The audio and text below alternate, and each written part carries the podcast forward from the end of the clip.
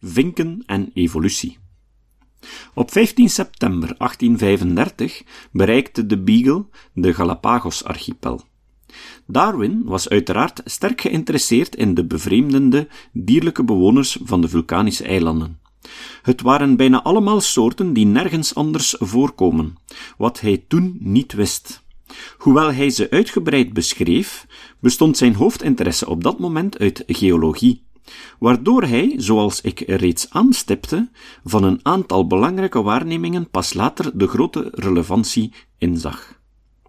De verschillende soorten, waaronder schildpadden, vinken en spotvogels, ondersteunen namelijk de stelling dat gelijkaardige soorten een gemeenschappelijke voorouder hebben.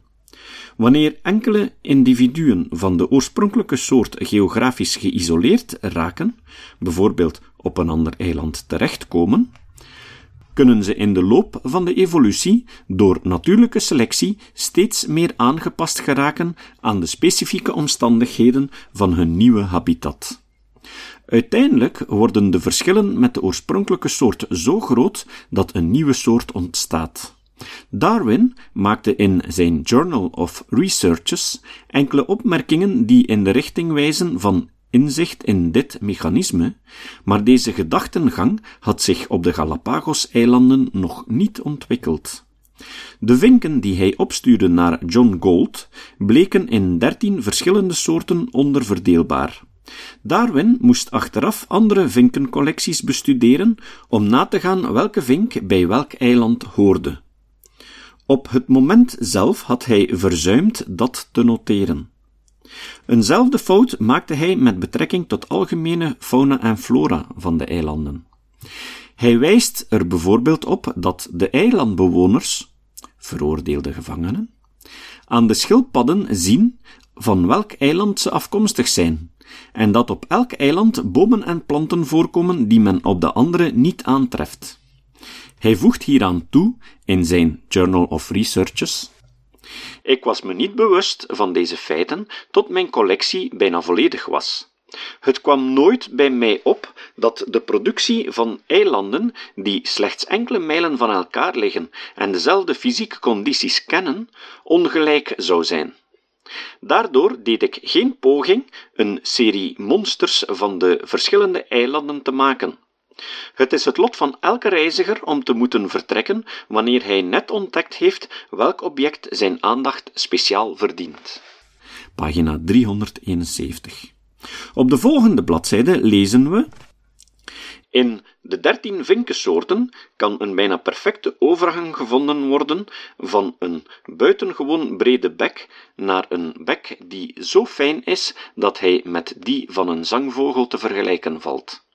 Ik vermoed zeer sterk dat bepaalde leden van de reeks zich tot verschillende eilanden beperken. Indien de collectie op één van de eilanden was gemaakt, zou ze hierdoor niet die volmaakte overgang vertonen.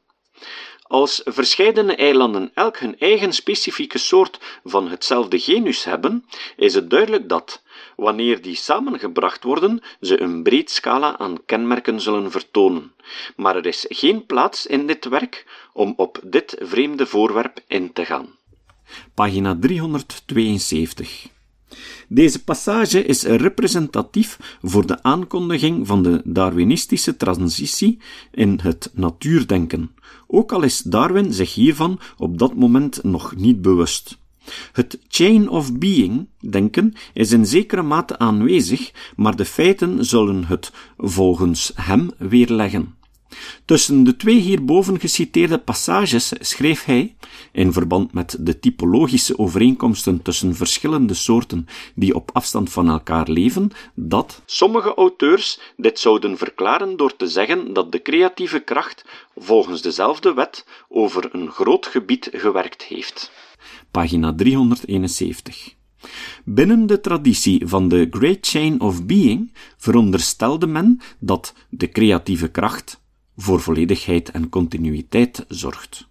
Op basis van zijn observaties van de vinken en andere organismen op de Galapagos-eilanden begreep Darwin dat dit niet juist kon zijn. De verschillende vinkensoorten bleken aangepast aan de omstandigheden van de eilanden waarop ze respectievelijk voorkwamen. Die eilanden waren van relatief recente datum.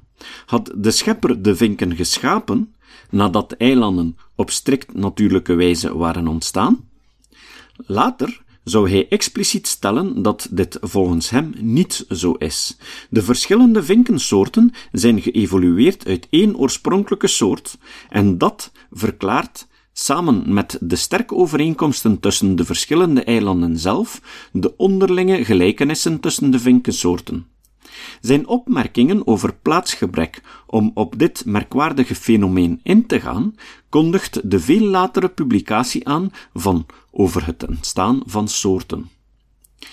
Het daarin uiteengezette mechanisme van evolutie door natuurlijke selectie betekende het einde van de biologische natuurtheologie. Tijdens het verdere verloop van de reis ontwikkelde hij zijn theorie over de vorming van koraalriffen. Zie supra. En eenmaal terug, thuis, besliste hij om geen parochiegeestelijke te worden, maar een lid van de Londense wetenschappelijke gemeenschap. In zijn autobiografie schrijft hij dat zijn voornemen om geestelijke te worden een natuurlijke dood stierf toen hij als naturalist aan boord ging van de Beagle.